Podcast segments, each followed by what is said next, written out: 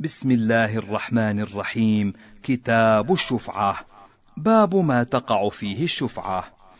حدثنا يحيى عن مالك عن ابن شهاب عن سعيد بن المسيب وعن أبي سلمة بن عبد الرحمن بن عوف أن رسول الله صلى الله عليه وسلم قضى بالشفعة فيما لم يقسم بين الشركاء فإذا وقعت الحدود بينهم فلا شفعة فيه.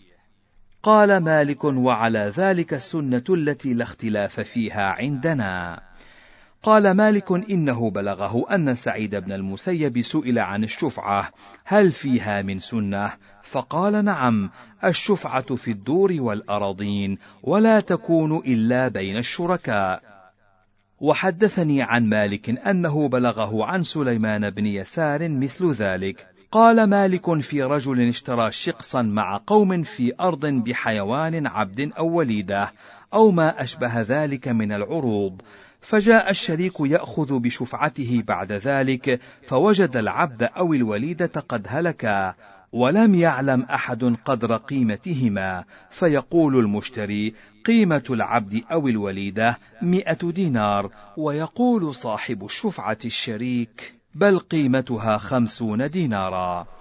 قال مالك يحلف المشتري أن قيمة ما اشترى به مئة دينار ثم إن شاء أن يأخذ صاحب الشفعة أخذ أو يترك إلا أن يأتي الشفيع ببينة أن قيمة العبد أو الوليدة دون ما قال المشتري.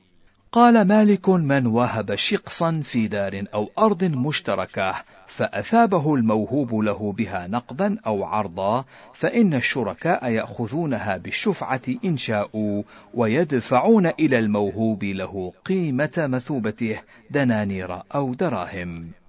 قال مالك من وهب هبة في دار أو أرض مشتركة فلم يثب منها ولم يطلبها فأراد شريكه أن يأخذها بقيمتها فليس ذلك له ما لم يثب عليها فإن أثيب فهو للشفيع بقيمة الثواب. قال مالك في رجل اشترى شقصا في أرض مشتركة بثمن إلى أجل فأراد الشريك أن يأخذها بالشفعة. قال مالك إن كان مليا فله الشفعة بذلك الثمن إلى ذلك الأجل وإن كان مخوفا ألا يؤدي الثمن إلى ذلك الأجل فإذا جاءهم بحميل ملي ثقة مثل الذي اشترى منه الشقص في الأرض المشتركة فذلك له. قال مالك لا تقطع شفعة الغائب غيبته وإن طالت غيبته وليس لذلك عندنا حد تقطع إليه الشفعة.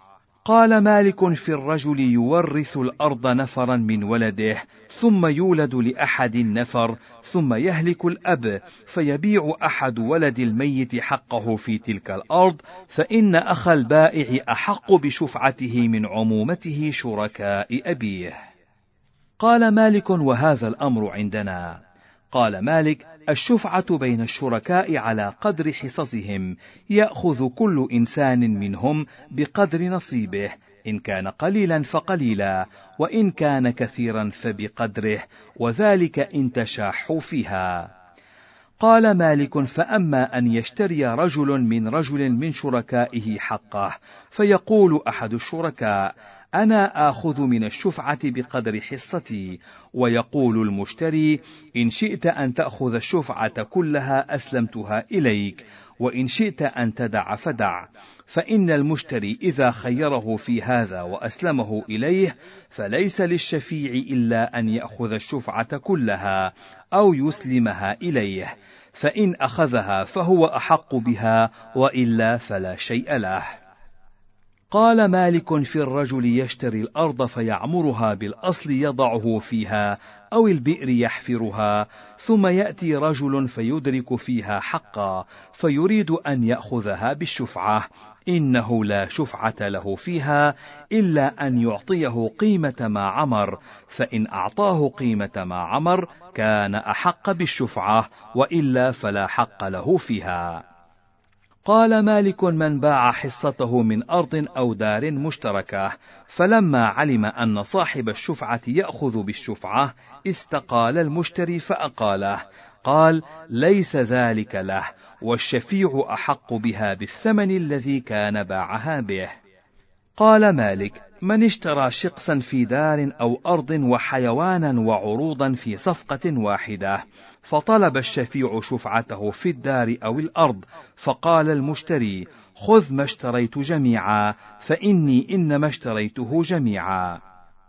قال مالك بل يأخذ الشفيع شفعته في الدار أو الأرض بحصتها من ذلك الثمن. يقام كل شيء اشتراه من ذلك على حدته على الثمن الذي اشتراه به. ثم يأخذ الشفيع شفعته بالذي يصيبها من القيمة من رأس الثمن.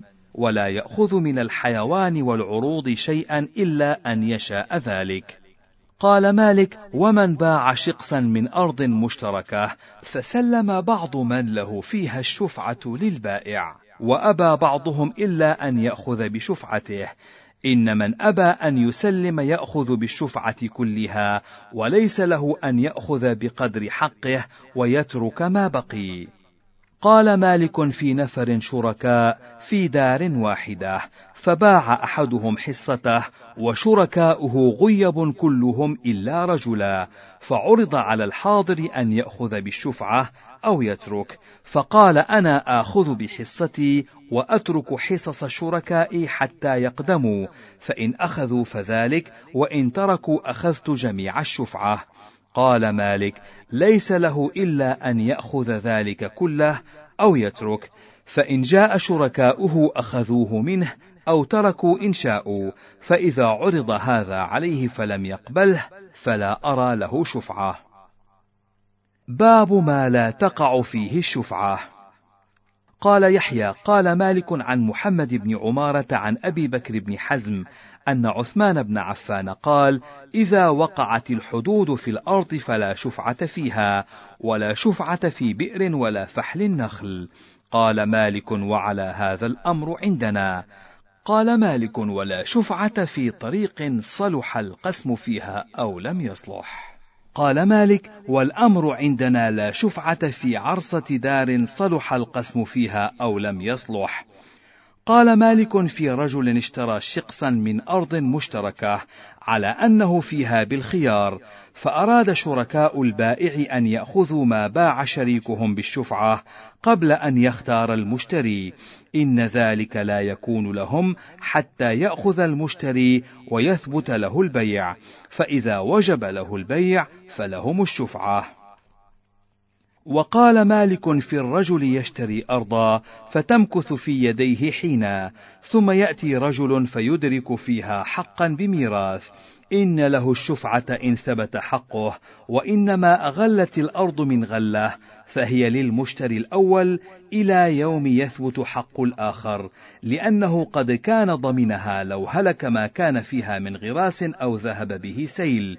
قال فإن طال الزمان أو هلك الشهود أو مات البائع أو المشتري أو هما حيان فنسي أصل البيع والاشتراء لطول الزمان فإن الشفعة تنقطع ويأخذ حقه الذي ثبت له وإن كان أمره على غير هذا الوجه في حداثة العهد وقربه وأنه يرى أن البائع غيب الثمن وأخفاه ليقطع بذلك حق صاحب الشفعة قومت الأرض على قدر ما يرى أنه ثمنها فيصير ثمنها إلى ذلك ثم ينظر إلى ما زاد في الأرض من بناء أو غراس أو عمارة. فيكون على ما يكون عليه من ابتاع الأرض بثمن معلوم ثم بنى فيها وغرس ثم أخذها صاحب الشفعة بعد ذلك. قال مالك والشفعة ثابتة في مال الميت كما هي في مال الحي فإن خشي أهل الميت أن ينكسر مال الميت قسموه ثم باعوه فليس عليهم فيه شفعة. قال مالك ولا شفعة عندنا في عبد ولا وليدة ولا بعير ولا بقرة ولا شاة ولا في شيء من الحيوان ولا في ثوب ولا في بئر ليس لها بياض. إنما الشفعة فيما يصلح أنه ينقسم وتقع فيه الحدود من الأرض. فأما ما لا يصلح فيه القسم فلا شفعة فيه. قال مالك ومن اشترى أرضا فيها شفعة لناس حضور فليرفعهم إلى السلطان فإما أن يستحقوا وإما أن يسلم له السلطان فإن تركهم فلم يرفع أمرهم إلى السلطان وقد علموا باشترائه فتركوا ذلك حتى طال زمانه ثم جاءوا يطلبون شفعتهم فلا أرى ذلك.